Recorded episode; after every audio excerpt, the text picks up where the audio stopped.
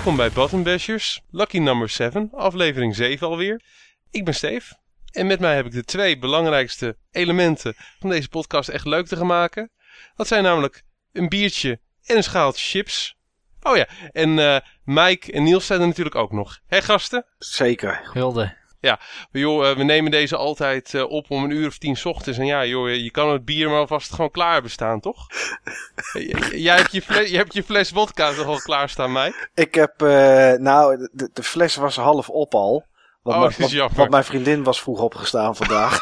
oh, dus okay. ik, moet, ja, ik moet het doen met de restjes.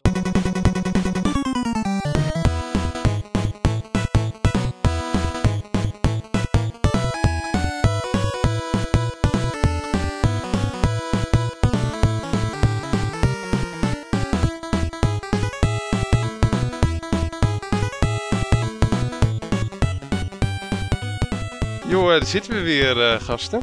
Uh, wat hebben jullie allemaal uit de kast getrokken om te spelen? Laten we met jou beginnen, uh, Niels. Want ik weet van dat je geen Fire Emblem gespeeld hebt, maar wat heb je wel gespeeld? Weer Lego of een andere game? Ja, een beetje Lego. weer een stuk verder gegaan ook met Dragon Quest 6. Oké. Okay. Dat is natuurlijk een heel lang spel. Ja, in de pilot aflevering heb ik het erover gehad. Maar toen was ik pas een paar uur in de game en nu ben ik ja, 16 uur in de game. Is nog steeds in het begin. Zo groot is die. Maar um, ja, ik kan inmiddels zeggen dat van de Dragon Quests is dit misschien toch wel een van de mindere. Oké, okay, dat is jammer. Ja, nou, Dragon Quests hebben altijd een bepaalde gimmick die centraal staat in elk deel. Dat had je verteld inderdaad, ja. Dragon Quest 4 gaat zo bijvoorbeeld over een, uh, een aantal verschillende karakters. Elk chapter bij een ander karakter en die komen op het eind bij elkaar. Bij Dragon Quest 5 gaat het over generaties, dus je speelt met een karakter en vervolgens speel je de zoon van dat karakter en zo door. En bij Dragon Quest 6 heb je eigenlijk de echte wereld en een droomwereld. En je hebt invloed in de droomwereld op de echte wereld en vice versa. Oké. Okay. Maar het spel is vrij lineair en traag. En ik weet soms niet wat ik moet doen. En dat is eigenlijk voor een Dragon Quest wel vreemd. Want die zijn vrij simpel. Dus ook geen goede combinatie. Uh, lineair en niet weten wat je moet doen. Nee. Nou, het is nog steeds op zich een goede game. Maar naar Dragon Quest standaarden is hij niet zo heel bijzonder. Oké. Welk platform speelde je hem ook alweer, Niels? Waar was die ook alweer voor? Ik speel deze op de DS. Oké. Nou, daarnaast heb ik uh, vandaag nog enkele pogingen gewaagd om bepaalde SNES-games te spelen. Die zijn nagenoeg allemaal gefaald. Ik zal zo uitleggen waarom. Maar de okay. games die ik geprobeerd heb te spelen waren Populous. Ja. En um, toen ik er niet uitkwam, hoe dat spel precies werkte, dacht ik, nou, dan doe ik maar iets makkelijks. Iets waar ik snel doorheen kan komen. En uh, toen heb ik voor de Smurfen gekozen. Het is gewoon een platformpje, platformgame. Als ik op het doosje kijk, dan ziet het er allemaal goed te doen uit. Het is voor kinderen vanaf 4 of zo. Moet kunnen, dacht ik. Dus ik start de game. Ik zet hem op easy. En ik ga me toch in de eerste wereld alweer af. ik dacht eventjes van, nou, ik speel nog liever Ghosts and Goblins dan dit spel. Want je wordt okay. uit allerlei rare hoeken wordt je geraakt door projectielen of dingetjes. Ja. En ik kon alleen maar springen. Nou bleek dus achteraf dat ik een controller had waarvan de A-knop het niet deed. En normaal kun je met cadeautjes gooien, maar dat is mij dus niet gelukt. Dus ik ben eigenlijk elk level met alleen springen doorheen gekomen. Ja, dan is het behoorlijk moeilijk, kan ik zeggen. Nou ja, wel, wel een uitdaging op zich. Een soort van achievement eigenlijk.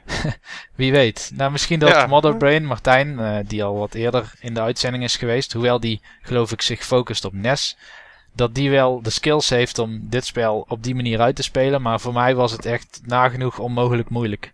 Sowieso heb je veel van die hitbox problemen die andere games zoals bijvoorbeeld The Lion King ook wel kent. Met The Lion King ja. moet je af en toe met Simba naar zijn staart van een nijlpaard springen.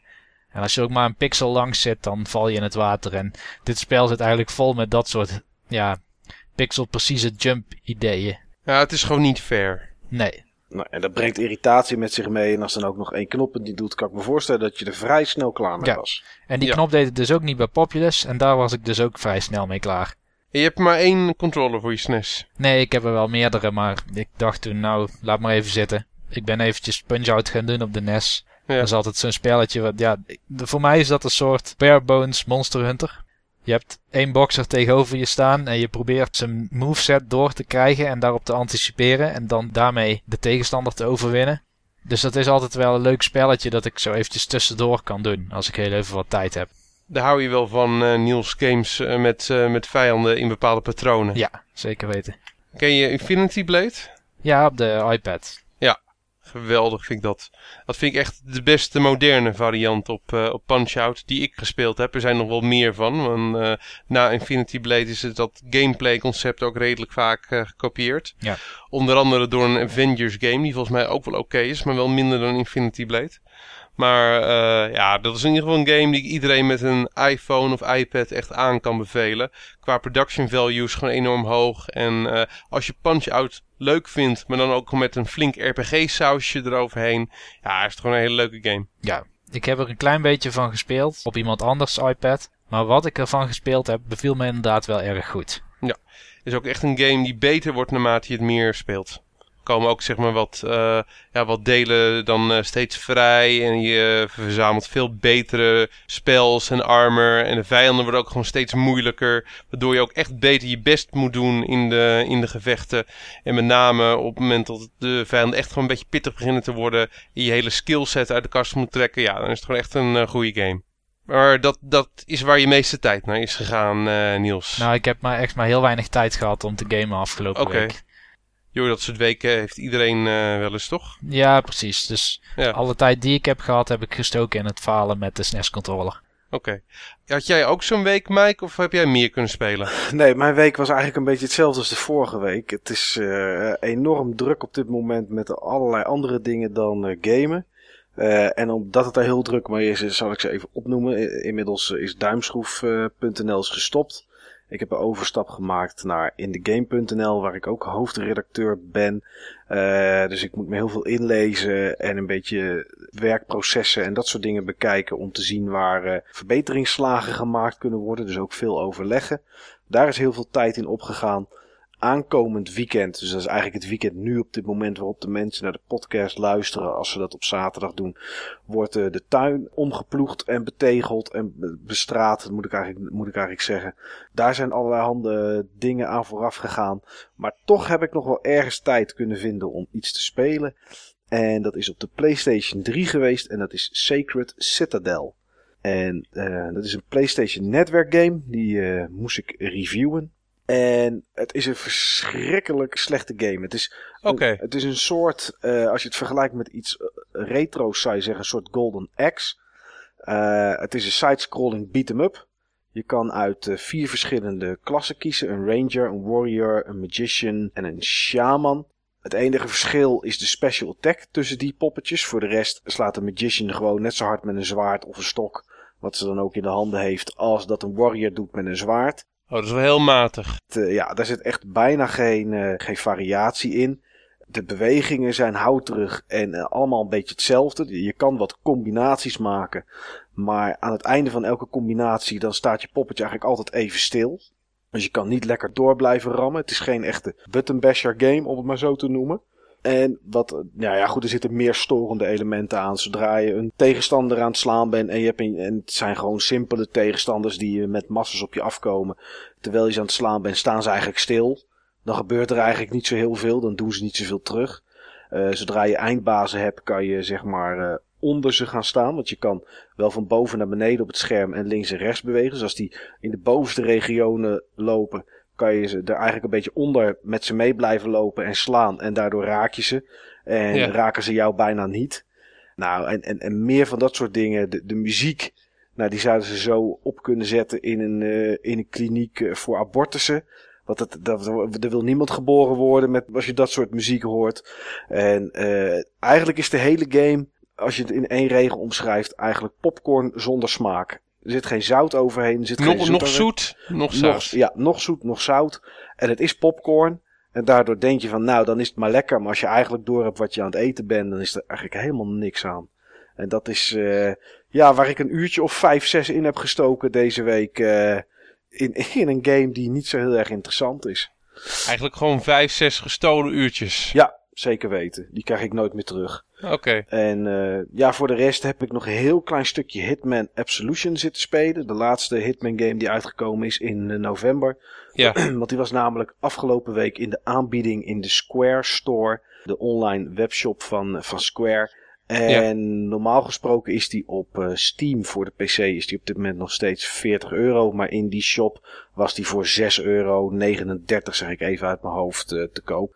En, ah, dat is toch wel echt ideaal van die digitale distributiemedia tegenwoordig hoor. Ja. Dit soort aanbiedingen wat Steam natuurlijk ook heeft met de Steam sale. Ja, ja, als het zomer is dan zit iedereen elke dag weer te kijken naar de Steam Summer Sale. Wat er aankomt. En daar koop je dan eigenlijk de games die je in het jaar door net niet gekocht hebt. Omdat je dacht of ik heb geen tijd of ik vind 50 euro net te veel. Ja, dan heb je kans dat je ze gewoon voor, uh, voor, voor een eurotje of 5, 6, 7 gewoon alsnog op de kop tikt. Ja, briljante prijzen dit. Uh... Ja, ja, dus uh, die heb ik uh, gekocht, maar heb ik maar een heel klein stukje gespeeld. Ik heb de game wel eerder vorig jaar ergens een paar uurtjes gespeeld. Ja. Maar ja, toch leuk genoeg om, om aan te schaffen. Oké, okay, Alleen, cool. ik heb er nu nog niet zo heel veel tijd meer in zitten. En het laatste wat ik nog, toch nog gespeeld heb is Fire Emblem The Sacred Stones. Ja. En ik heb toch besloten dat ik daarmee stop. Oké. Ik vind turn-based vind ik echt heel tof, maar er zit iets in die game wat me niet trekt. En ik kan er niet zo heel goed de vinger op leggen. Maar ik, ja, misschien zijn het omdat ik hem op normal speel en niet op hard, dat de gevechten te makkelijk zijn. Dat kan. Ja, ik heb niet echt het gevoel dat ik tegenstand heb. En uh, alle battles die ik tot nu toe gedaan heb, kom ik met 600 man aanlopen tegen 13 uh, tegenstanders. En ja, dan wals je daar eigenlijk heel makkelijk overheen. Dus ja. Ik weet niet of dat de hele game door zo is. Klinkt wel bekend. Dat is niet de hele game uh, door zo. Maar de meeste Fire Emblems beginnen gewoon net even te makkelijk. Ja. Oké, dus misschien zou ik toch iets moeten door, uh, doorbijten nog. Ja, weet je wat het risico is met Fire Emblem in het begin? Uh, je hebt een paar units en die zijn vaak heel sterk. Ja. En ik weet niet meer welke karakters dat in die Fire Emblem zijn. Misschien was dat Seth of iemand. Oh, de naam. Zou goed Zo'n kunnen. paladin of zo. Maar Ja. die zijn zo verschrikkelijk sterk. Daar kun je eigenlijk alles mee aan. Met alleen die unit. Nou is het vervelende dat je eigenlijk in een soort dead end loopt. Gegarandeerd. Als je die te vaak gebruikt. Omdat jouw andere units dadelijk heel erg underleveled zijn. Ja. Voor bepaalde gevechten op het eind. In, in jargon, in Fire Emblem jargon noemen we die uh, units uh, experience hawks. Oké. Omdat die zeg maar experience wegtrekken van die units die je eigenlijk zou moeten levelen. Om op het eind sterk genoeg te zijn. Nou, dat is, wel, dat is misschien ook wel wat, uh, wat dan een beetje tegenviel. Ik heb twee of drie units. En het maakt eigenlijk niet uit of ze nou tegen uh, de, wat was het, een rovershol-baas staan. Of uh, tegen een andere zogenaamde sterke pief. Het is één of twee klappen en dan is het gewoon afgelopen. En ja, daardoor is het op dit moment gewoon totaal niet strategisch. Dus ja, ik, uh, ik weet nog niet precies of ik het verder ga spelen, maar nou ja, goed. Nou, ik zit zelf ook in Fire Emblem Sacred Stones. Die pak ik zo af en toe op, want ik speel hem dan op zijn moeilijkst. En ook op zijn moeilijkst is het in het begin vrij gemakkelijk. Maar ik hou al vanaf de eerste missie er rekening mee dat er bepaalde karakters zijn die bijna niks kunnen, die je elke keer de laatste hit moet laten krijgen. Ja. Om Ja. ze uiteindelijk zo te levelen dat ze heel sterk worden in de endgame. En als je bijvoorbeeld een generaal hebt, dat is een hele goede blokker. Dus die kun je bijvoorbeeld op een brug zetten zonder wapens. Dan gaat iedereen er tegen aanslaan. Hij moet absoluut niet de XP krijgen. Hij moet alleen maar zorgen dat niemand er doorheen kan. En dan ga je met ranged units achter hem alles wegsnipen. En dat- ja, dat soort tactieken pas je toe om eigenlijk ehm, in Fire Emblem ervoor te zorgen dat de juiste units eh, gaan levelen. Oké. En voor mij zit daar in het spel, dus ik merk dat niet eens meer als de eerste paar missies makkelijk zijn, omdat ik het mezelf al zo moeilijk maak. Omdat, die laatste, ja. omdat ik zo bezig ben om de juiste units de XP te laten krijgen. Oké, nou ja, goed. Mooi bruggetje naar jou dan in dit geval, Steve. Is dat bij Ja. de nieuwe ook zo? Want jij zei net al van, ik heb hem en ik heb het gespeeld. Ja, joh, dit is werkelijk waar koren op mijn molen. Want eh, Fire Emblem, ik heb er inmiddels een uurtje of acht in zitten. En eh, van die acht uur, ik ben in ieder geval positief over. Ik vind het eh, tot nu toe, zowel de Fire Emblem als de 3DS-game, die het meest verzorgd is qua eh, production values. Dat gaat echt gewoon helemaal nergens over. Die game voelt gewoon aan alle kanten gewoon echt heel erg af. Er is heel erg veel tijd in gestoken. Er zit ook gewoon heel erg veel liefde in. Eh, wat Niels in een voorgaande uitzending al eens een keer kort heeft aangestipt. Eh, de, de gimmick van deze uh, Fire Emblem, de toevoegingen die ze hebben gedaan, dat je units kan paren en dat ze ook samen kunnen aanvallen, dat uh, werkt gewoon echt heel goed en dat geeft heel veel tactische mogelijkheden. De graphics zijn echt heel erg goed. Het geluid, uh, dat is ook veel meer orkestraal en veel indrukwekkender. Het is echt gewoon een hele verzorgde game. Oké. Er zijn twee punten die me echter aan de game tot nu toe wat, wat storen. Die me ook wat tegenvallen. Ten eerste, ja, nu begrijp ik eindelijk van wat je gewoon altijd door moet maken, Niels. De gesprekken, de filmpjes. Joh, elke Fire Emblem heeft gewoon aardig wat gesprekken tussen de karakters. Dat is gewoon onderdeel van, van de game. Je hebt gewoon ja, hele hordes aan karakters die je verzamelt in je leger. En die beppen enorm veel tegen elkaar.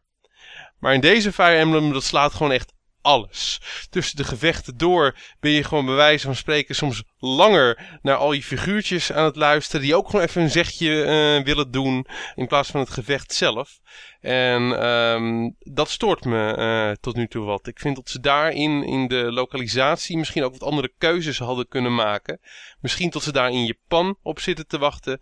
Maar ik heb het gevoel dat uh, ja, alle conversaties die ik tot nu toe heb meegemaakt, dat die ook door de helft hadden gekund qua stof en qua tijd. Een beetje zeg maar net het, als wat we ook doen met deze podcasts eigenlijk. En um, bij Fire Emblem uh, ja, vind ik dat gewoon toch wat minder tof. Ik vond dat ze nu iets te ver de boel uh, ja, doorgetrokken hebben. Een ander ding wat me stoort is de moeilijkheidsgraad. Ik ben de game begonnen op hard. Omdat ik Fire Emblem ja, een boel gespeeld heb. Ik ken het trucje inmiddels wel. En naar mijn gevoel, ik ben geen Fire Emblem Pro. Maar ik ben wel een uh, ja, Fire Emblem inter Intermediate. Fire Emblem Meteor. En het ging echt heel goed. De eerste paar levels op hard. Maar op een gegeven moment kwam ik op level 4. Dus helemaal nog niet eens zo uh, enorm ver.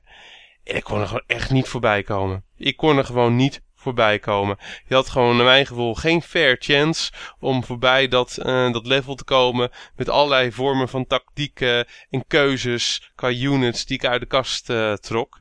Dus toen ben ik weer teruggegaan naar uh, normal. Gewoon even snel doorgetrokken tot ik weer op hetzelfde punt kwam. Ja, en op normal, ik weet wel dat bij de meeste Fire Emblems wel later in de game gecorrigeerd wordt. Maar op normal is het echt meer een cakewalk. Is het gewoon echt heel erg makkelijk. En zo val je echt wel van het ene uiterste in het andere uiterste. En ik vind het op dit moment een beetje jammer tot um, normal op dit moment aanvoelt als easy. En hard als very hard. En um, ik heb besloten toch maar weer verder gaan met hard. Want dan haal ik toch meer plezier voor mezelf uit dan puur gewoon door de game heen uh, walsen. Dus ik moet klaarblijkelijk gewoon eventjes aan de slag met betere tactieken. Want het kan wel. Het klinkt mij heel bekend in de oren. Want ik speel dus ook soms Fire Emblems op hard. En dan kan ik wel eens dagen vastzitten op één chapter. Terwijl die dingen zijn bedoeld om in een drie kwartier uit te spelen. Je moet zo perfect spelen. Je moet zorgen dat een unit jou net niet kan bereiken. Een unit van de tegenstanders. Je moet zorgen dat je exact rekening houdt met die weapon triangle. Ja. En ja, alles moet kloppen. Het is zo'n strategisch spel op dat moment. Nou, ik hoor het al jongens. Ik, uh... Jij rent naar de winkel. Nou, dat kan nu niet meer, s'avonds om even 11 uur. En zeker niet uh, als ik zoveel wodka op heb. Nee, ik, ik wacht nog wel even jullie eindoordeel af. Ik wil het ook wel even van nieuws horen met de tijd. Maar ik denk dat ik pas, toch, als ik dit zo hoor. Ja, ik vind het wel, wel raar dat die balance, ja, dat het zo apart is om het maar even te noemen. Ja, dat vond ik ook. Ik had in ieder geval het gevoel dat het bij de eerste Fire Emblem die ik gespeeld heb, Fire Emblem op de GBA, dat dat nog het best was. Oké. Ja, dat was het ook nieuw voor me. Toen vond ik het normal redelijk pittig. En toen ben ik daarna direct doorgegaan uh, op hard mode. Waarbij je ook dan een ander karakter speelde. Dan speelde je eigenlijk de sidekick van de held. Hector. En de held werd, ja, en de held werd toen eigenlijk je, uh, je sidekick. En uh, dat voegde ook weer zeg maar een nieuwe, ja, een nieuwe take op het verhaal uh, toe. Er zaten ook wat extra chapters in. En enerzijds was het pittiger. En anderzijds kreeg je toch weer een, ja, wat, wat dingen mee die je eerst niet had meegekregen. En dat vond ik gewoon echt heel erg leuk. Joh, op dit moment is die hard mode alleen nog maar frustrerend. En ja, kijken of het uh, verandert op het moment dat ik net even iets beter ga spelen. Nou Steve, wat ik eigenlijk zou doen als ik jou was, want zo speel ik Fire Emblems. Ik speel ze altijd toch eerst op normal. Om de simpele reden dat die X-chapters, en ik weet niet of dat Fire Emblem Awakening ook nog steeds X-chapters heeft. Maar die zijn gewoon... Nee, die heten, die heten side missions Heten die side missions, oké. Ja. Is dat nog steeds tijdgebonden? Dat je on- onder een minuut een level uit moet spelen of iets? Weet ik niet, weet ik niet. Oké. Dat is eigenlijk de reden dat ik normaal op normal begin. Want die X-chapters, daar kun je vaak unieke karakters in halen. Maar die, ja, dat ga je nooit meemaken op hard. Tenminste, ik niet. Dus dan speel ik hem eerst op normal uit, om al die karakters gezien te hebben. En dan ga ik het daarna Ja. op hard opnieuw doen. En dan is het echt genieten. Oké. nou, het, eh, het echte genieten moet er bij mij gewoon denk ik nog eventjes van komen. Oké. Nee, ik kijk er zo verschrikkelijk naar uit. Ik ben eh, hartstikke jaloers dat jij hem hebt. Ik hoor toch een soort fanboyism, eh, Niels. Ja, wie weet. Jo, jo Niels, ik, ik gun het jou omdat je hem ook snel hebt. Dank je. Zeker nu ik hem eerder heb, ook gun ik het jou helemaal. Ja, Als ik hem morgen zie liggen op Koninginnedag ergens op de vrijmarkt, neem ik hem voor je mee. Ja, zeker doen. ja Zeker doen. ik zou eh, daar voorzichtig mee zijn. Want voor hetzelfde geld loop ik morgen ergens binnen en loopt, ligt hij ook. Nou, ik gok niet dat hij al op een kleedje ligt ergens. Nee, ik, ik, ik durf die gok ook wel eh, te maken. Jongen Mike, eigenlijk maak je nu hier gewoon een heel, heel mooi bruggetje. En ik vind ook dat we dit bruggetje wel moeten gaan eh, benutten. Nou, ik wist dit natuurlijk al. Ja, ja, ja. Ja, maar eerst een muziekje, hè, Steve. Ja, natuurlijk een muziekje.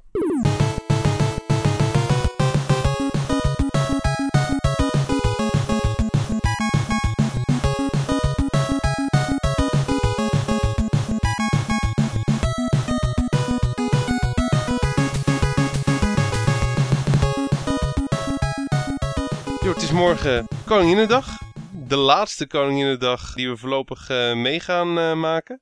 Totdat Willem-Alexander de brui eh, eraan geeft. En heel Nederland ligt weer vol met kleedjes. Met dingen die mensen gekocht hebben. Die games die mensen vroeger gekocht hebben. Die ooit in de winkel nieuw gekocht zijn. Jo, en dat is eigenlijk wel ja, een mooi topic om vandaag te bespreken. Hoe en waar kochten we onze games? Niels, Ja. Hoe kocht jij games vroeger? Eh, nou, helemaal in het begin hield ik nooit rekening met release dates. Maar ik kocht wel altijd in de winkel. Maar ik ging altijd af op de box art. Dus ik werd meegenomen door mijn ouders bijvoorbeeld naar de Bijenkorf, ik noem maar wat. Ja.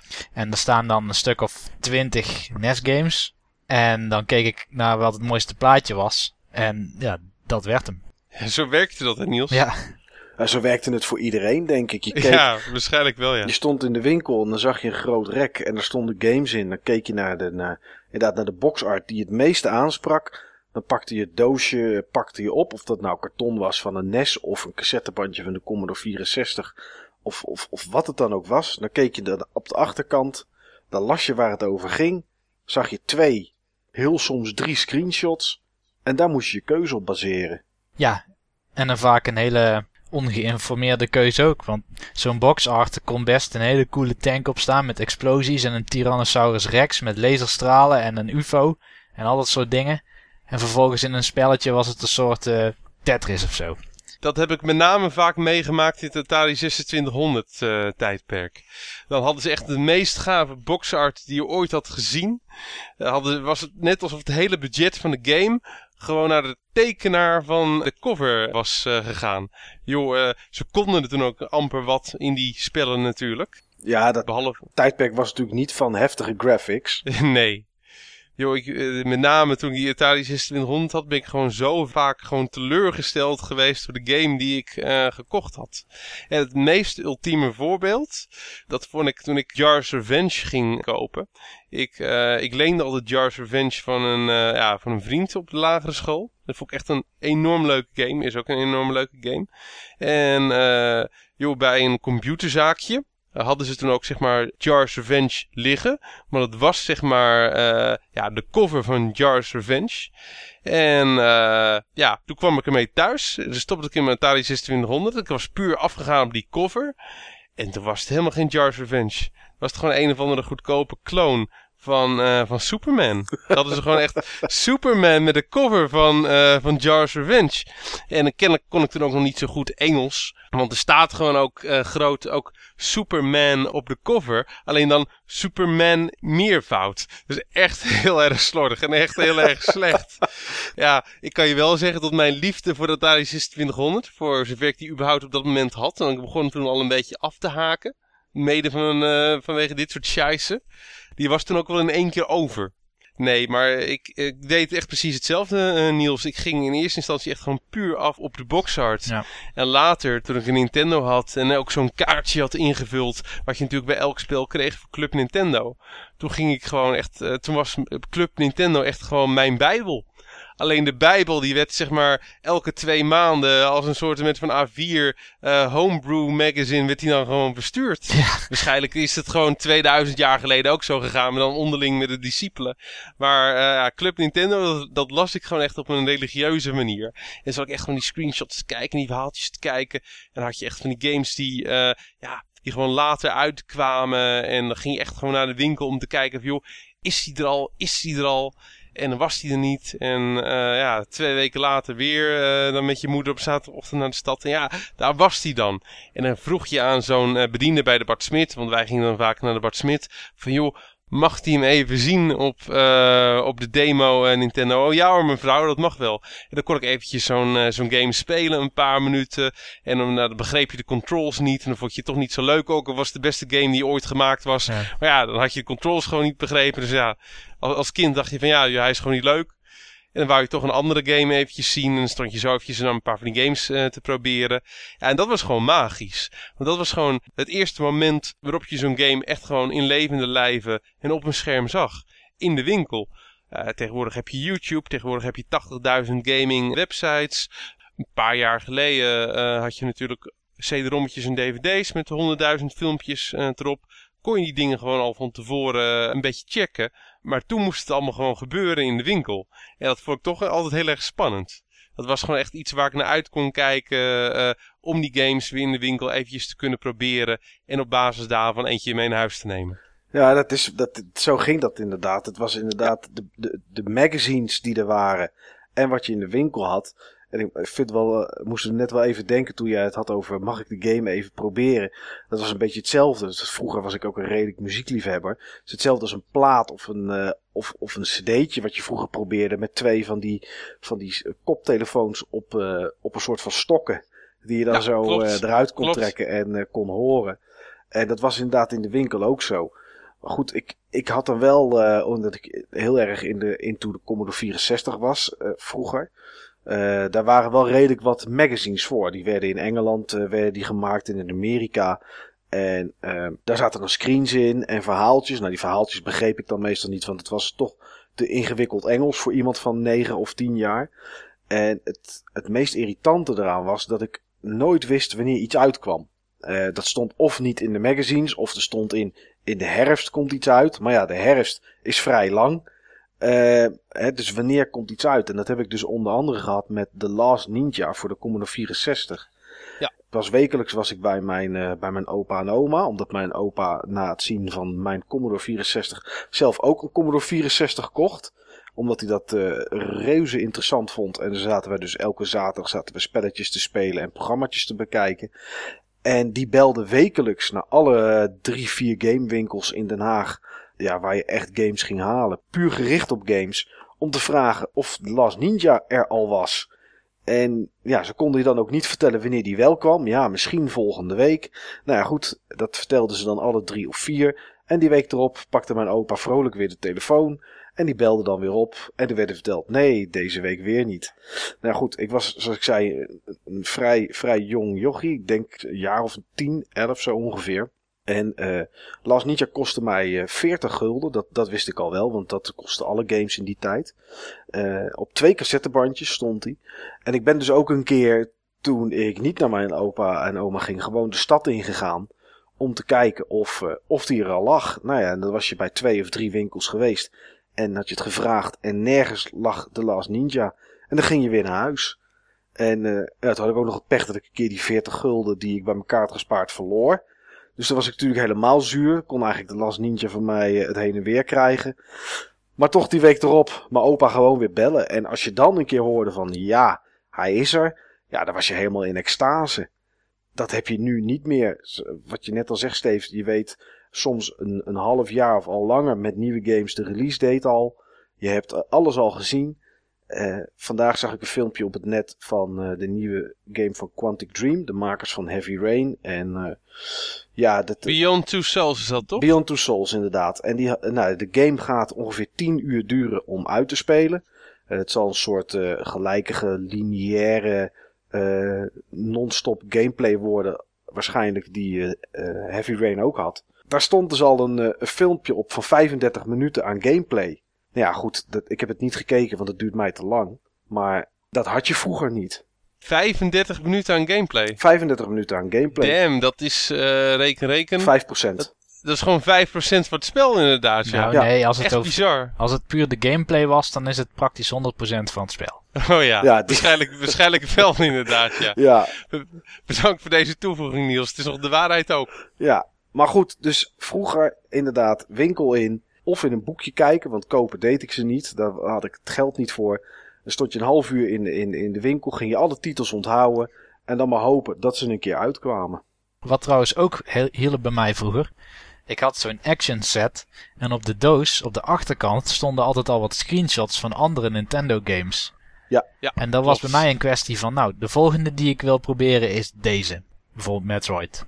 Uh, maar die waren, waren die eigenlijk altijd al uit op het moment dat je eh, de doos in Nee. handen had? Nee, hè? er stond Nee. ook wel eens op eh, dat het in het volgende najaar kwam of, of dat soort dingen, toch? Ja. En er hebben zeker ook gewoon games opgestaan om dat soort verpakkingen. En ook in de officiële folders van, eh, van Nintendo. Die gewoon nooit verschenen zijn in Nederland of in heel Europa. Dus ja, dat was ook wel eens misleidend. Ook leuk was natuurlijk bijvoorbeeld eh, toen ik een Nintendo 64 wilde hebben. Toen, eh, toen gingen er van die videobanden rond. Die kon je werkelijk bestellen of je kon ze krijgen bij een pre-order. Ik weet niet meer precies hoe het zat. Maar daar stonden ook allemaal wat van die alpha en beta beelden op van spellen die nog moesten komen of uiteindelijk niet zouden komen. Maar daar kon ik ook verschrikkelijk hard op gaan. Ja, geweldig hè. Ja, het was een mooie tijd. Ik weet nog precies wanneer ik mijn eerste Nintendo 64 eh, gezien heb. Je had toen ehm, een import videozaakje op Utrecht Centraal. En eh, volgens mij heette dat eh, Games en Zo of eh Gamer Us. Iets in die trend, in ieder geval iets met, met game. En ehm, ja, die hadden ook altijd zeg maar dus een aantal consoles aangesloten op een paar kleine tv'tjes bovenaan op een kast. En op een gegeven moment stond daar gewoon een Nintendo 64, een Japanse Nintendo 64. Dan had ik bij wijze van spreken net in Official Nintendo Magazine, Engels blad, toen gelezen over dat ding. En drie weken later, dan zie je hem gewoon echt in het echt. Ja, dat is gewoon echt heel erg gaaf. Dan, eh, ja, dat, dat, dat voelt gewoon bij wijze van spreken alsof je in een tijdmachine eh, bent gestapt en voor in de tijd bent gezet. Ja. Dus eh, ja, dat vond ik altijd wel hele leuke ervaringen. En ook niet te vergeten trouwens het programma Powerplay. Dat heeft ook wat games aan mij verkocht vroeger. Zeker, Met Martijn zeker. KB. Van Martijn KB inderdaad, ja. Als je dat nu terugziet, jongens, is het echt, echt hilarisch slecht. Het was er toen ook al hoor, maar... eh, Ja, toch zag ik dat minder op die leeftijd. nou, ik had, het- ik had het toen ook al wel een beetje door. Maar toch Oh. keek ik ernaar, want het ging over games. En eh, ja, eh, je wou het toch gewoon zien. Maar ik heb laatst ook inderdaad een paar dingetjes ervan gezien. Een paar stukjes. Ja, geweldig. Geweldig. Echt zo cheesy. Ja, en natuurlijk niet te vergeten, jongens, dat was misschien wel het belangrijkste verkoopkanaal wat er vroeger was. Dat waren je kameraadjes op school. Hè, dat was in de tijd dat kinderen, tegenwoordig is dat bijna niet meer, dat kinderen tussen de middag op de basisschool gewoon Ja. nog naar huis gingen.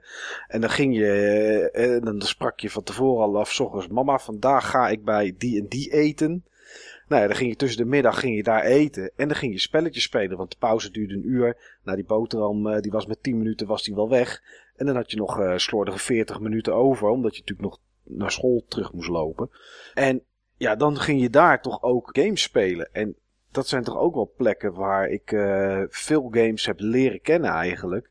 En misschien wel op de beste manier, want het kostte niets. Soms kon je ook nog eens wat lenen. Eh, in de tijd van de Commodore 64 zal ik niet ontkennen dat er ook wel eens wat van elkaar, zoals we dat noemden, werd overgenomen. Hè, van het ene cassettebandje naar het andere of op flop.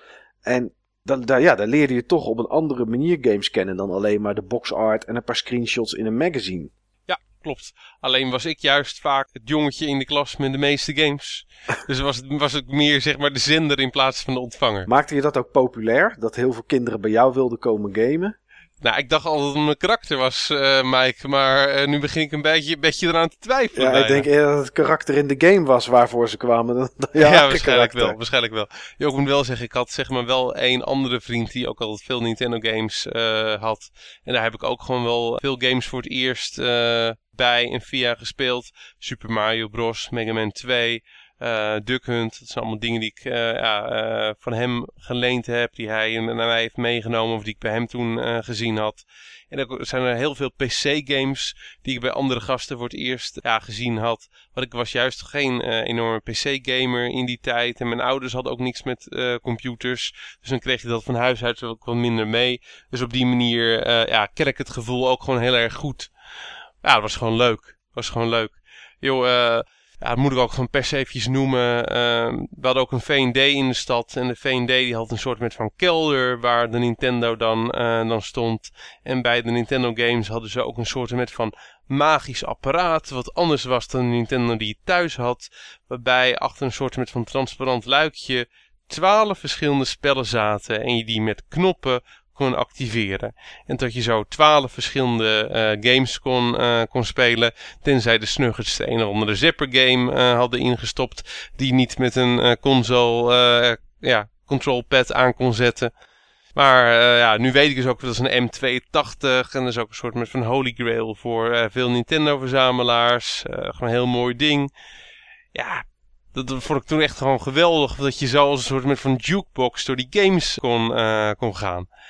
Jok blijft erbij, het was gewoon echt een mooie tijd. Ja, zeker weten. Een uh, hoop games misschien nog wel beter leren kennen in die tijd dan, uh, dan tegenwoordig met de huidige generatie. Omdat als je van de Xbox 360 of PlayStation 3 of PC nu een filmpje ziet waarvan je denkt, denk niet dat dit helemaal mijn game is. Nou ja, goed, dan speel je het ook überhaupt eigenlijk niet. En in die tijd, ja, Dan kreeg je stapel games of je leende wat. En dan, ik denk dat we in die tijd meer games geprobeerd hebben dan dat we tegenwoordig doen.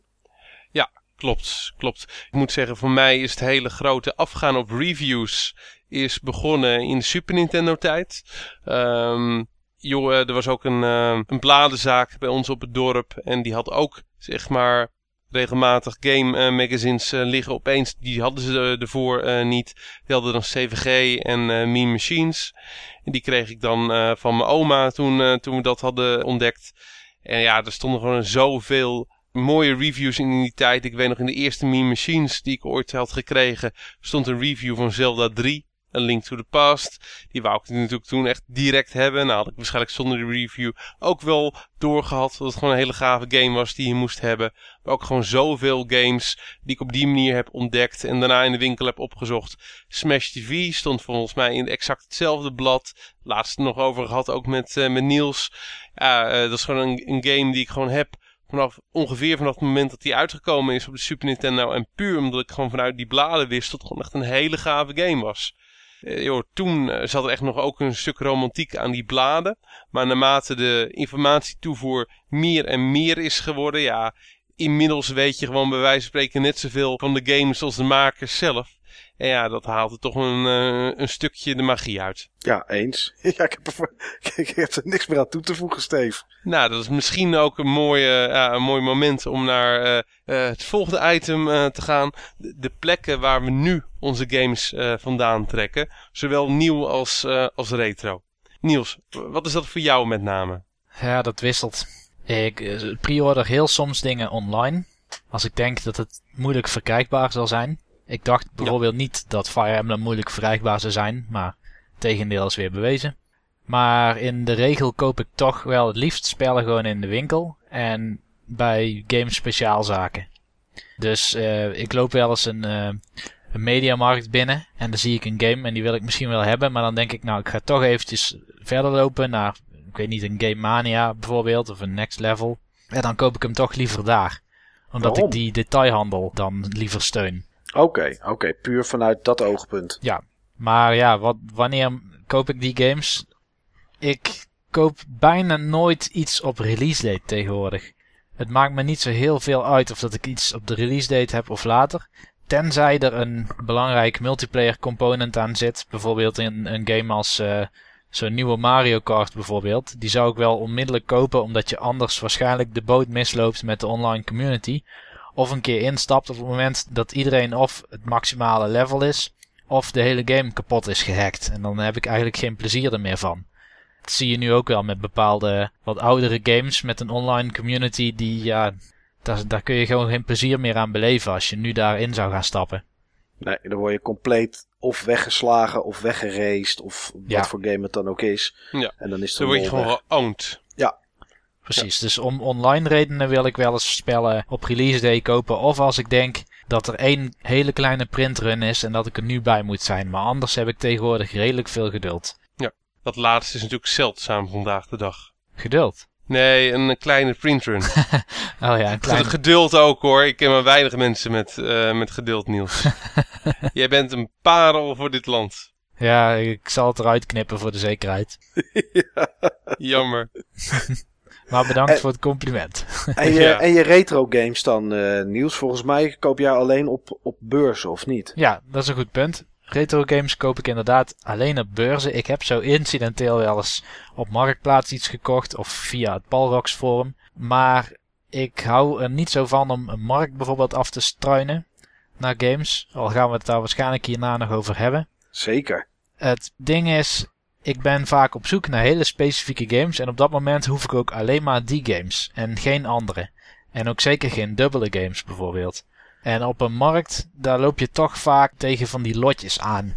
Of dat je toch geneigd bent om voor een hele doos games 20 euro neer te leggen. En dan zit ik eigenlijk met een doos games waarvan ik er twee wil spelen en de rest moet ik kwijt op een of andere manier. En ik, ik hou niet zo van dingen weer verkopen. Kost gewoon veel moeite wat ik er niet voor over heb. Klinkt bekend. Ik heb dat precies zo. Als ik kijk naar eh, mijn, eh, naar mijn retro games, ga ik wel naar eh, rommelmarkten en, en, en dat soort dingen toe. Dus morgen, Koninginnedag, is voor mij dan ook vroeg opstaan. Naar, naar vrijmarkten toe. Ik vind het gewoon super leuk om daar, om daar rond te lopen en, en games te vinden. Want, en dat heeft denk ik, Steve heeft dat net zo. Het is, Ja, het, is, absoluut. het is leuk om die oude games te spelen. Maar het is toch ook de kick van het iets vinden eh, wat of uniek is, of wat gewoon een mooie aanwinst is voor, voor, voor vrij weinig geld. En daar zit voor mij een stuk, ja, het stuk verzamelen zit daar zeg maar in. Eh, net zoals af, wa- wat ik zei, afgelopen weekend ben ik naar een rommelmarkt geweest. Daar heb ik eh, drie Game, Gamecube games gekocht en twee Xbox games. Voor 12 euro in totaal. En eh, daar zat bijvoorbeeld, voor de Xbox zit daar eh, Baldur's Gate Dark Alliance bij. Voor de Gamecube Timesplitters eh Future Perfect. En een Cell Damage Crazy Taxi. En de andere Xbox game was omdat ik dacht van misschien zijn er hier niet zoveel van gemaakt. Wat zo geweldig zal dit niet zijn. Dat was Judge Dredd, Dredd vs. Dead. En die heb ik gewoon puur op de gok meegenomen. En nou ja, in totaal was het dan 12 euro. En dat vind ik gewoon, dat vind ik leuke aankopen. Daar kan ik wel van genieten. En dat is dus wat mij eh, ja, morgen hopelijk ook overkomt als ik eh, over, de, over de vrijmarkten ga. Iets wat ik dan weer niet doe, is als ik bijvoorbeeld morgen nog een Timesplitters Future Perfect tegenkom. Of een Baldur's Gate Dark Alliance, waarvan ik weet dat Baldur's Gate Dark Alliance voor de Xbox is ongeveer iets van 20, zo 15 tot 20 euro waard. Als ik die morgen voor een euro zie liggen, neem ik hem niet mee in de hoop dat ik hem nog een keer kan verkopen voor wat meer en winst te maken. Ik heb net zoals jij Niels eh, eh, geen zin eh, om tijd en moeite te steken in, in games te verkopen en op die manier een beetje mijn eigen verzameling te spekken. Dat betaal ik dan gewoon liever uit, uit de maandelijkse belediging die ik vanuit het werk krijg. Dat is iets wat ik niet doe. En games van tegenwoordige tijd, om daar gelijk op in te haken, ja, dat komt op zoveel verschillende manieren binnen. Of ze komen per review, komen ze binnen. Ehm, voor consoles koop ik op dit moment voor de nieuwe consoles vrij weinig meer, omdat er vrij weinig bijzonders aankomt. Het zijn meestal eigenlijk alleen exclusives die ik nu nog koop. En dat is dan meer PlayStation 3 gericht dan Xbox. Want als het multiplatform is en het komt ook voor de PC uit, dan koop ik het eigenlijk liever voor de PC. Reden is dat het dan vaak eh 10 euro of soms 20 euro goedkoper is. Ik daar ook gewoon met een Xbox controller eh, aangekoppeld kan zitten. Betere graphics heb. Ja, en net zo lekker zit eigenlijk in, eh, in mijn stoel. En als ik dat koop, PC-games, dan ga ik eigenlijk vaak voor de digitale versie. Omdat ik geen zin heb om ervoor naar de winkel te gaan. Daar ben ik dan gewoon toch wel te lui voor.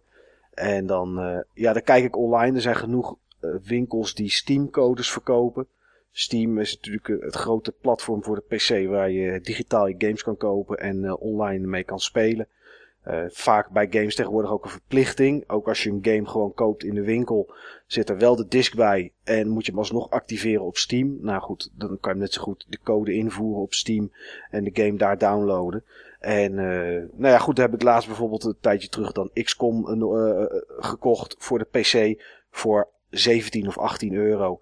En op het moment dat er een nieuwe game uitkomt, zijn er altijd winkels die voor 35 of 40 euro een, een Steam code aanbieden. En uh, ja, daar ben je er ook gewoon op dag 1 bij. En ik ben niet, voor mijn PC games vind ik dat niet zo heel erg dat ik die allemaal in Steam heb en niet in de kast heb staan. Joh, je ziet dat daar gewoon bij, met de PC al lang en breed naartoe is gegaan en nog steeds meer er naartoe gaat. Alle mensen die ik ook ken die PC-games spelen, Steam, Steam, Steam. Het is gewoon ook makkelijk en je kan altijd, wanneer jij wil, een game kopen. Met een, als je een beetje internetverbinding hebt. Ik heb, ik heb een internetverbinding van Ziggo met 120 mbit download. Steam heeft een geweldige verbinding en enorm goede servers. Waar ik gewoon met 14 MB per seconde kan downloaden. Een paar jaar terug zei een kameraad van mij tegen me om drie uur s'nachts van vrijdag naar zaterdag. Kom, we gaan Call of Duty Black Ops spelen. Ik zeg, die heb ik niet. Hij zegt, koop hem even. Ik zeg, dat is goed. Een kwartier later had ik gewoon een PC-game gekocht en was die geïnstalleerd en kon ik spelen. Nou, er is... Ja, is gewoon briljant. Dat lukt niet door naar de winkel te gaan. Joh, en dit wordt alleen nog maar sneller en makkelijker. Een maat van me die heeft deze week een 500 mbit verbinding gekregen. Dan heb je zo'n game echt gewoon binnen in uh, ja, minuten of seconden. Dat gaat gewoon echt helemaal nergens meer, uh, meer over. Nee, het is sneller dan van disk installeren. Ja. Voor PC doe ik het op die manier. Uh, console van de huidige generatie koop ik het of in de winkel of ik krijg het ter review. Dus dan hoef ik het eigenlijk niet te kopen. En ja, retro dat koop ik morgen op een, op een vrijmarkt. Dat koop ik op een beurs. Dat koop ik op het Palrox Forum of op eBay of op Marktplaats. Eigenlijk overal waar ik het kan vinden. Kringloopwinkel maakt eigenlijk niet uit. En dat is, uh, ik vind het leuk om erop te jagen. Volgens mij, wat ik zei, eh, Steve, heb jij dat precies zo, toch? Klopt, heb ik precies zo. Ik haal ook echt overal mijn retro games vandaan. Al moet ik wel zeggen dat ik de laatste maanden wat minder met het kopen van retro bezig ben uh, geweest. Ging een beetje te veel tijd in, uh, in zitten en die was ik liever met het gamen zelf bezig. Maar als ik kijk naar ja, wat mijn favoriete manier van retro games kopen is, dan is dat gewoon dit soort events rommelmarkten en, uh, en vrijmarkten. Ja, het heeft gewoon een stukje romantiek. Je weet gewoon niet wat je gaat vinden. De prijzen zijn gewoon altijd goed. Er zijn heel veel mensen die er ook op jagen. En als je dan iets vindt, dat is gewoon kick. Joh, een, een vergelijking die ik ook wel eens uh, gemaakt heb uh, richting een vriend van me. Joh, voor mij is uh, een gave game vinden die toch wel graag wou hebben op een rommelmarkt of vrijmarkt. Dat is als in een gangpad van een supermarkt het meisje van je dromen uh, tegenkomen. Een game op Marktplaats kopen, dat is eigenlijk hetzelfde als uh, je inschrijven op een relatiesite en daar zeg maar een beetje op zitten, zitten jagen. En een game via eBay, ja dat is hetzelfde als dat je een Russische bruid ergens op internet bestelt. Ja, alleen heb, weet je in ieder geval dat als je een game bestelt op eBay, dat die ook echt aankomt en dat die voor eeuwig bij je blijft. Ja, klopt. Dat ze, dat ze niet na, met, uh, na vijf jaar, zeg maar, met je koekoekskind en uh, je hele spaargeld er vandoor gaat. Ja, dat is het enige verschil. Ja, klopt. Wat een stigmatisering toch weer op buttonbashers. ja, dat klopt. Daar zijn we goed in. Ja. Maar Steve, ben jij iemand die als die morgen op de vrijmarkt loopt en daar Super Mario Bros 3 ziet liggen, die je waarschijnlijk al lang en breed hebt liggen, maar dat je ja. hem voor 1 euro of, of, of 2 euro mee kan nemen en hem dan toch ja, oppikt? die gaat mee. Die gaat mee. Joh, uh, als ik gewoon weet dat een game goed te verkopen is, dan gaat hij mee. Als ik er te veel moeite voor uh, moet, uh, moet doen, vind ik het allemaal niet rendabel meer. En heb ik zoiets van, joh, uh, daar ga ik niet meer aan beginnen. Heb ik wel gedaan. En je haalt het er altijd wel uit en dan pak je gewoon wat winst. Maar joh, ik heb een fulltime baan en ik heb al gewoon zoveel hobby's en zoveel dingen waar ik tijd aan kwijt ben. En ik, ik vind het gewoon niet enorm leuk om daar heel veel tijd in, uh, in te steken. Joh, en hoe goed ik ben op het verkopen op beurzen, dat hebben we er uit, uitgebreid over gehad. Na het beursverslag in, uh, in Apeldoorn. Zo hoef ik het ook niet van te hebben. Nee. Maar uh, Ja, joh, ik zeg maar wat, als ik een Zelda's Adventure tegenkom voor, eh, voor de CDI, die in Nederland gewoon goed te krijgen zijn, maar die je op eBay voor 150 tot 350 euro, afhankelijk van de dag, kan slijten, ja, dan gaat hij gewoon mee. Dat is gewoon instant money. En dan zou je hem niet zelf houden als je hem nog niet hebt. Uh, nee, daar heb ik echt helemaal niks mee. Ik heb er toevallig eentje hier liggen en die gaat binnenkort weg. Oh. Oké. Dus uh, nee, joh, ik heb niet eens een CDI en dat is gewoon, joh, ik verzamel goede games. En daar heb ik er eigenlijk al te veel van. Joh, dat is eigenlijk gewoon iets van een andere uitzending. Dus dat ga ik ook nu niet te lang uh, bij stilstaan. Maar ik, ben, ik heb gewoon deze week de conclusie uh, getrokken. Dat ik gewoon nooit de games die ik allemaal heb zal spelen. Het, het, is, het kwartje is gewoon eindelijk gevallen. Want als ik, als ik nu zou stoppen met het kopen van, van nieuwe games, dan, dan heb ik nog steeds gewoon jaren nodig om alles uit te spelen. Als ik het überhaupt al kan. dingen die ik niet kan, die gewoon buiten mijn skillniveau zijn. Joh, vie. Maar ik zou het natuurlijk wel willen, uh, willen proberen. Maar joh, ik ga natuurlijk niet stoppen met, uh, met games. Want er komt er gewoon wijs veel gave shit uit. En uh, joh, waarschijnlijk komen er bij mij per maand zo'n 20 games binnen, bij wijze van spreken. Op een, op een beetje gemiddelde maand. En misschien dat ik er twee of drie uitspeel in een hele goede maand. Dat is geen goede ratio. Dus het kwartje is eindelijk gevallen. Dat zelfs op het moment dat ik nu, zeg maar, bij wijze van spreken met vervroegd pensioen uh, zou gaan. En 100 zou worden. Dat het me nog steeds niet gaat lukken. Nou, wat een openbaring. Ja, ik wou het gewoon eventjes met jullie delen. Ja, nou goed, ik denk dat we het allemaal wel, uh, allemaal wel hebben. Ja, maar het is wel, het is maar hoe je erin staat, hè. Ik hoef mijn spellen niet eens uit te spelen. Ik speel misschien een aantal levels op het moment dat ik het niet meer leuk vind. Dan ga ik ook niet doorzetten om alsnog uit te spelen. Nee, oké. Okay. Dus die tijd is beter besteed okay. aan iets wat ik wel leuk vind. Eens. Maar joh, wat ik al zei, ik verzamel in principe vooral games die goed staan uh, aangeschreven. Dus het merendeel daarvan is gewoon leuk en zal ik ook gewoon absoluut leuk vinden. En af en toe zit er dus gewoon eentje tussen die uh, geweldige reviews uh, heeft gekregen. Dat je zoiets hebt van, joh, ik snap het niet. En dan stop ik er ook gewoon uh, mee. Ik heb weinig masochistische neigingen. Nou, in ieder geval op, nou, je hebt op toch, het gebied uh, van games. Je hebt toch The Walking Dead uitgespeeld. Dus dat, ja, ik heb toch The Walking Dead. En dat vond ik nog gewoon echt leuk ook. Ja. Dus ja, joh, uh, toen had ik mezelf gewoon eventjes aan die haken die toch aan het plafond hangen, gewoon eventjes opgetakeld met die controller in mijn handen. Ja. Nee, ehm, op het moment dat ik een game toch niks blijkt te vinden, ja, dan heb ik voor mezelf ook zoiets, joh, on to the next. Net als die vrouwen, hè. Weer gewoon weer terug naar die vrouwen. Ja, maar die vrouwen hebben dat maar... dan meer met jou, Steve. Ja, die vrouwen hebben het meer met mij inderdaad. Ja. Yo, die, die jingletjes, gelden die ook voor Mike, Niels? Die gelden ook voor Mike. Ik moet wel zeggen dat ik een beetje door de jingletjes heen begin te raken als jullie zo snel een request doen om een uh, break in te lassen. Oké. Okay. Oké. Okay. Is dit dan wel misschien het mooie moment om een break te doen en uh, om morgenavond te kijken wat wij gescoord hebben? Ja, dat is het plan.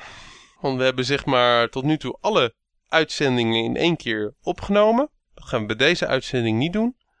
Joh, uh, Niels die zal waarschijnlijk weinig scoren. Maar Mike en ik, we gaan ervoor. Ja. En joh, we willen graag direct in deze uitzending, niet in de uitzending van volgende week, maar in deze uitzending, uh, ja, met jullie delen wat we gevonden hebben. In ieder geval de highlights. Dus uh, jullie gaan hem zo meteen horen.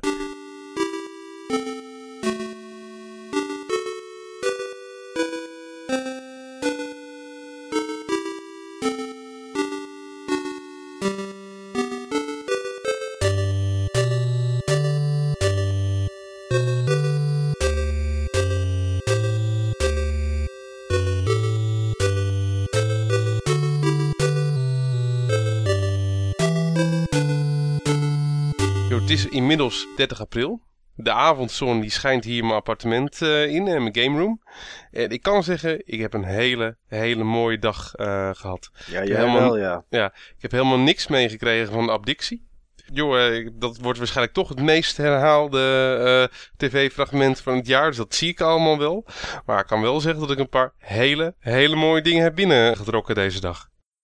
Joh, jij bent ook op zoek gegaan, uh, Mike. Volgens mij was jouw dag iets minder geslaagd qua aanwinsten. Ja, ik, ik weet eigenlijk ook niet of ik erover wil vertellen. Want het was echt, nou ja, het was gewoon een echt een slechte dag. Ik, okay. uh, ik had mijn vriendin uh, poeslief wakker gemaakt om kwart over zes vanmorgen. Want uh, vrouwen hebben soms even iets langer nodig dan mannen. En even over achter zaten wij in de auto van Enschede naar Almelo. Want in Almelo is een vrijmarkt. En daar hebben ze ongeveer 500 plaatsen gereserveerd. Nou, vorig veel. jaar, ja, dat is behoorlijk. Zeker veel. Vorig jaar liep ik daar ook. Toen heb ik eh, voor meer dan 100 euro aan games kunnen scoren. Wat voornamelijk neerkomt op PlayStation 1. En nog wat eh, Game Boy en Game Boy Color. Wat eh, mooi netjes in doosjes zat met, met manual erbij. En voor de rest had ik eigenlijk daar niet zoveel gehaald. Om, ja, omdat ik behoorlijk beladen thuis kwam al. Dus ik had dit jaar voor wat extra geld gezorgd. En we waren daar netjes om, eh, nou ik denk misschien kwart voor negen ongeveer, even een parkeerplekje zoeken. En ja, toen wij denk ik op twee derde zaten had, ik, zaten, had ik nog helemaal niets in handen. Echt helemaal niets. Ik was wel wat PlayStation 3 spul tegengekomen. eh, maar dat vind ik niet interessant om te kopen. Op dit moment. Eh, PlayStation 2 was ik ook redelijk wat van tegengekomen. Maar of het was voornamelijk voor meisjes en jonge kinderen. Dat, is, toch het meeste wat je ziet. Je ziet ook heel veel speelgoed liggen natuurlijk. Dus ja, in die leeftijdscategorie liggen dan ook vaak de games. Ik kwam nog iemand tegen die had eh, twee behoorlijke stapel PlayStation 2 games staan. En toen ik vroeg van joh, wat willen jullie voor die games hebben? Wat mijn vriendin zei, je kan beter eerst vragen wat ze ervoor willen hebben. Dan er gretig doorheen te gaan. Dat ze zien dat je het wil hebben en daarna dat de prijs te hoog blijkt. Dus ik zei, wat, eh, wat, wat, wat wil je daarvoor hebben? Ja, die willen we eigenlijk als set gewoon verkopen met de PlayStation 2 erbij. Ik zei, nou ja, oké. Ik zeg, hoeveel wil je ervoor hebben? Ja, 60 euro. Ik zei, nou oké, dan houdt het voor mij op. Dus toen liep ik weg en toen zei die man eh, van, ja, zegt hij, maar er zitten 36 games bij. Ik zeg, ja, ik zeg, dat weet ik wel. Ik zeg, maar de helft is voor mij toch wegwerp. En dan vind ik het gewoon zonde om 60 euro uit te geven voor een PlayStation 2 waar ik er al drie van heb. Ja. Plus Is gewoon ook zo. Plus de helft van de games die, die me niet boeien. En, en de andere helft die er misschien wat minder uitziet of weet ik veel wat. Dus dat heb ik niet gedaan. Eh, ik ben doorgelopen. Vond ik ergens één iemand heb ik wel geteld over de hele dag. En ik ben daarna ook nog naar Hengelo geweest. Die PlayStation 1 games had. Nou, daar heb ik, eh, heb ik drie games opgepikt. Want het is eh, vroeg eh 5 euro voor drie games. Nou ja, ik denk, dan kies ik er eh, twee, had ik er nog niet. En eentje dacht ik, hier ziet het doosje er wel mooi van uit. Dan kan ik die ergens een keer voor vervangen. Ehm, en dat was het in Almelo van al die 500 kramen. Nou, daarna ben ik nog met mijn vriendin, heb ik nog zo gek gekregen om mee te gaan naar Hengelo. Had ik beloofd dat we wat gingen drinken op het terrasje en een broodje gingen eten, dus dat werkte. Nou ja, daar ben ik geweest. Ehm, eigenlijk hetzelfde beeld als wat ik in Almelo had. Ik heb ergens één keer een Nintendo 64 gezien. Met vijf controllers erbij. En twee games. Twee zeer oninteressante games. Iets van een sportgame en een nou ja, slechte game was die andere. Ik weet niet eens meer wat het was. Daar vroegen ze 20 euro voor. Nou ja, goed. eh, ook voor de Nintendo 64 heb ik er twee op zolder staan. Dus dat was er ook niet nuttig om te doen. En nog ergens een stapeltje Gamecube games heb ik gezien. Maar dat was allemaal eh, Budokai en eh, nou ja, allemaal van dat soort spul. Ook niet interessant. En toen was ik bij een, eh, een kleedje van een aantal kinderen. En daar lagen wat PlayStation 2 games die wel interessant waren. Legacy of Kane lag daar en Tenchu. En voordat ik kon vragen wat de games kosten, riep dat meisje alles een euro, alles een euro. Nou ja, goed, er lagen zes games met nog twee Splinter Cells erbij. En een Matrix en een Mercenaries 2. Dacht ik, nou ja, voor die 6 euro laat ik het dan maar meenemen. Heb ik in ieder geval nog iets het gevoel dat ik vandaag eh, iets gescoord heb. Dus dat is in totaal wat ik van de vrijmarkt heb gehaald. eh, voor 11 euro slechts heb ik eh, vandaag eh, drie PlayStation 1 games gekocht, waarvan ik er één al had. Maar goed, het zat in een package deal, om het maar zo te noemen. Ja. En, eh, en zes PlayStation eh, 2 games.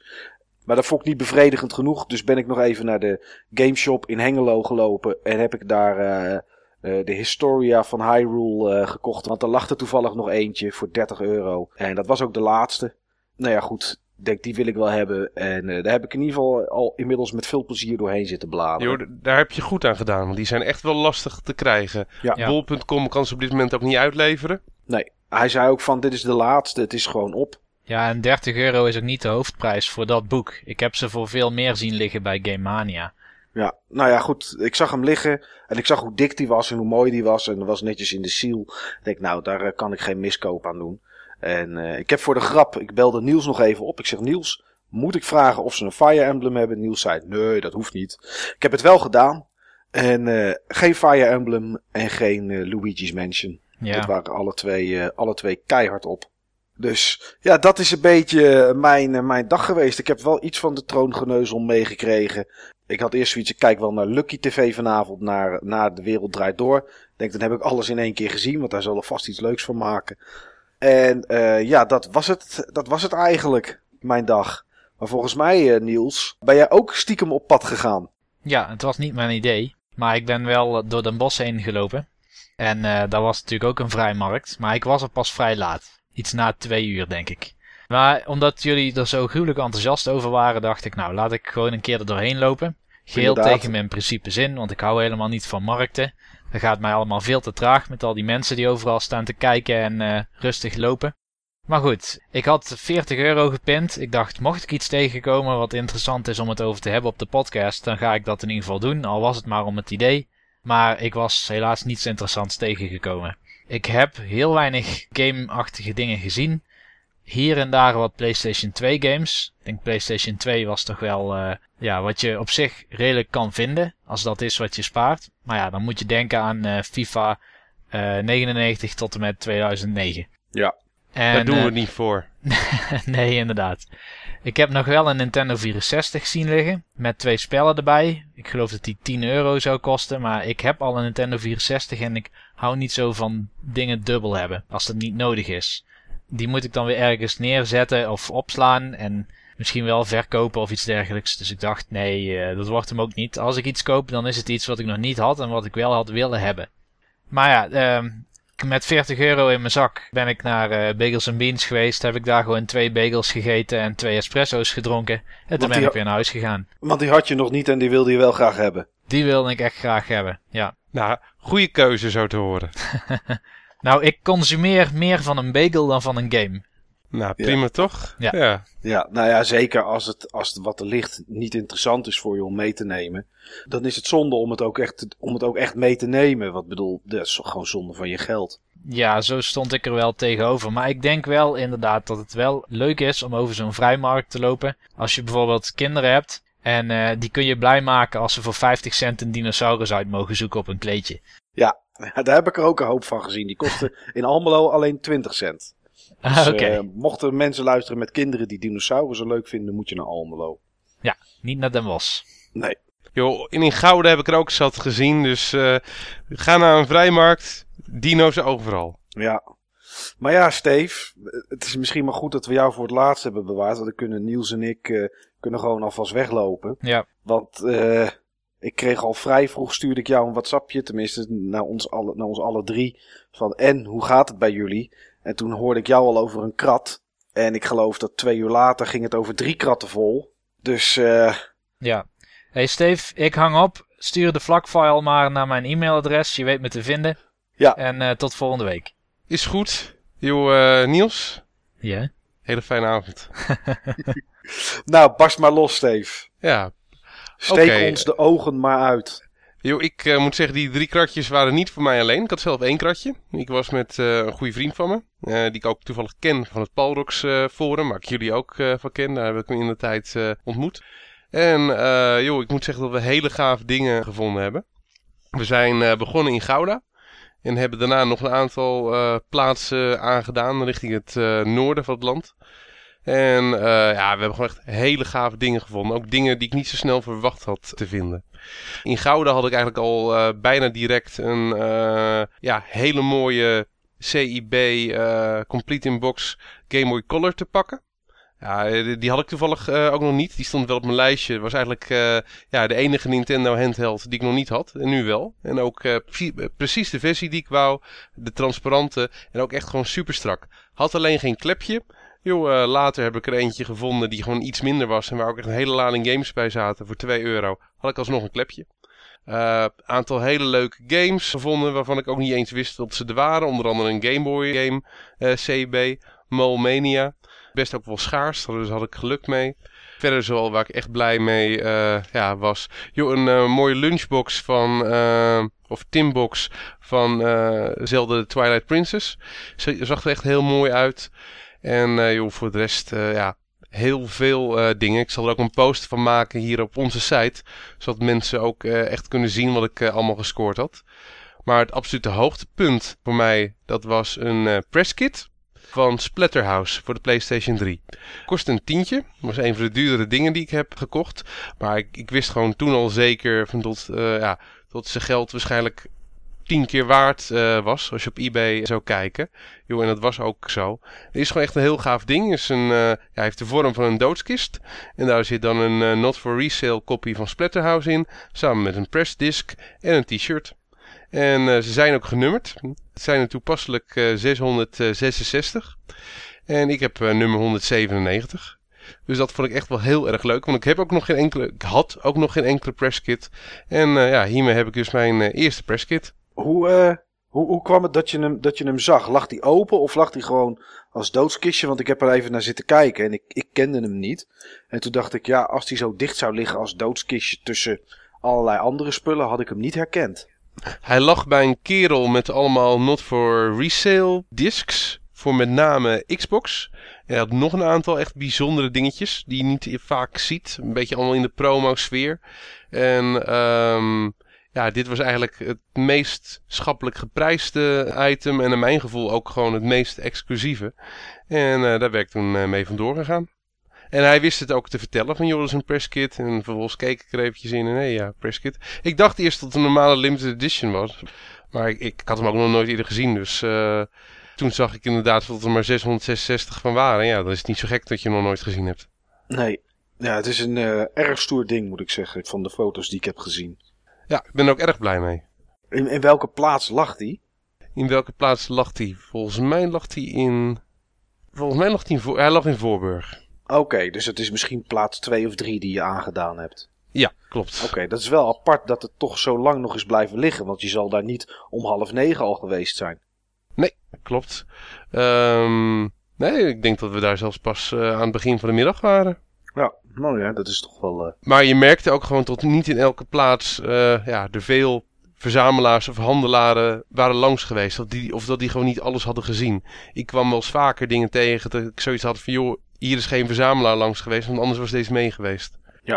Ja, het is, uh, ja, je hebt een mooie score, Steve. En dat, ja, ik was er ook heel blij mee. Ik was er ook heel blij mee. Ja. Joh, en als ik gewoon kijk naar de rest van het forum waar wij op zitten, Palrox, er waren gewoon nog veel meer mensen met echt wel heel veel buit. Dus ik vond het gewoon heel jammer dat jij dat uh, niet had, uh, Mike. Ja. Maar nou, volgend, jaar, volgend jaar beter. Volgend jaar zeker beter. Al vond ik wel dat het dit jaar minder volgens mij was dan, dan, dan vorig jaar. En ik zag ook meer mensen die terugkwamen met nou misschien vijf of zes games en dat was het. Dus het, het lijkt wel of er dit jaar minder lag. Of dat er meer is weggehaald door mensen die bijvoorbeeld niet op Palrox zitten en dat, en dat daar posten. Ja, of er lag gewoon minder of ik weet het niet wat het dit jaar was. Joh, misschien waren er ook iets minder mensen met kleedjes. Dat zijn toch al over het algemeen ook uh, ja, mensen die misschien ook die kroning uh, willen zien. Ja. was natuurlijk ook wel echt een afwijkende Koninginnedag. Nou, dat was het zeker. Want het, het was vanmorgen toen ik daar aankwam in, in Almelo. Ja, ik kon bijna tegen, de, tegen het centrum aanparkeren. Zo rustig was het. Dus dat heeft, dat heeft zeker, wel, zeker wel meegespeeld, denk ik. Ik denk het wel, inderdaad, ja. Maar goed, inmiddels ben ik in onderhandeling voor een uh, game die iemand uh, gevonden had en die die niet hoefde op het Palrox Forum. Dus als ik die dan nog even score, dan wordt heel langzaam wordt mijn Koninginnedag toch iets beter. Nou, vind ik fijn om te horen. Ja. Volgens mij hoorde ik daar Niels toch nog stiekem lachen. Ja, ja, ja. Ik zit er hij, zit, ja, hij zit wel stiekem mee te luisteren. Maar als je dat nou zo hoort, Niels, wat Steven allemaal gevonden heeft, denk je dan niet... Dat had ik ook wel tof gevonden, want je zei net al dat je het wel voor kan stellen dat het leuk is als je met een gezin of wat dan ook eroverheen loopt en wat leuke dingetjes vindt.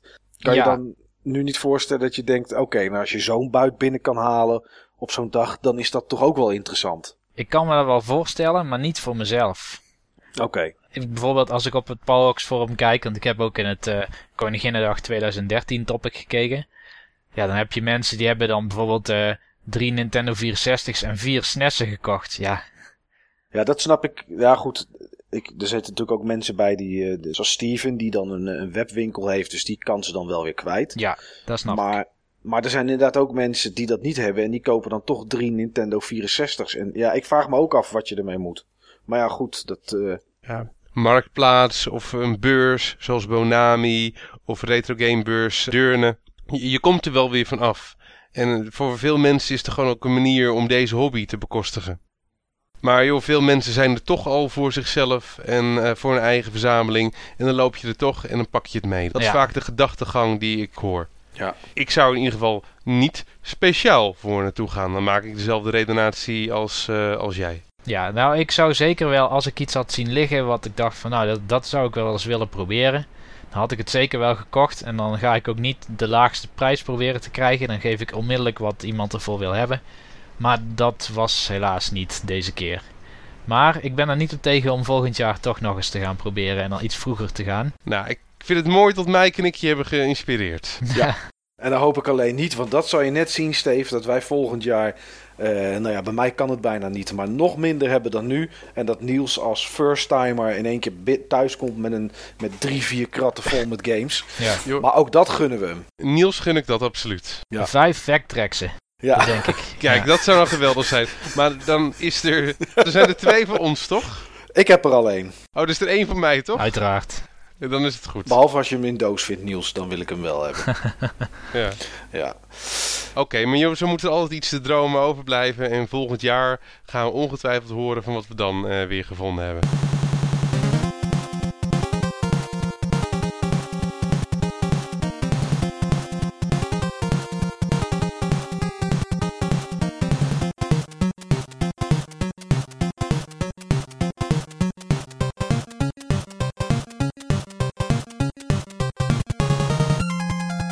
Laat ik jullie twee koningen in ieder geval ja, weer bedanken voor deze uitzending. Daar kan ik eigenlijk alleen maar een uitspraak van Tone Loc uit de single Wild Thing bij pakken.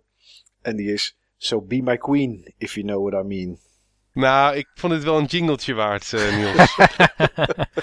maar mannen, het was weer een mooie uitzending. En ik hoop ook dat eh, ja, de luisteraars van deze toch wel behoorlijk uit de kluiten gewassen podcast weer hebben genoten. En, En, als eh, mensen zitten te luisteren en die hebben leuke Koninginnedag aankopen gedaan of aanwinsten, in de comments op de website even leuk reageren. Dat zou leuk zijn als wij daar eh, van jullie iets konden lezen. Vinden we leuk om te zien en te Ja. horen. Joh, eh, wat, wat ik al zei, eh, in ieder geval mijn aankopen staan ook dan op, eh, op de website. Vind je het leuk om te zien? Kijk er eventjes naar. Maar mannen, volgende week weer een mooie uitzending. Zeker weten. Yes. Nou, we gaan ons best doen. Jullie in ieder geval bedankt en tot volgende week.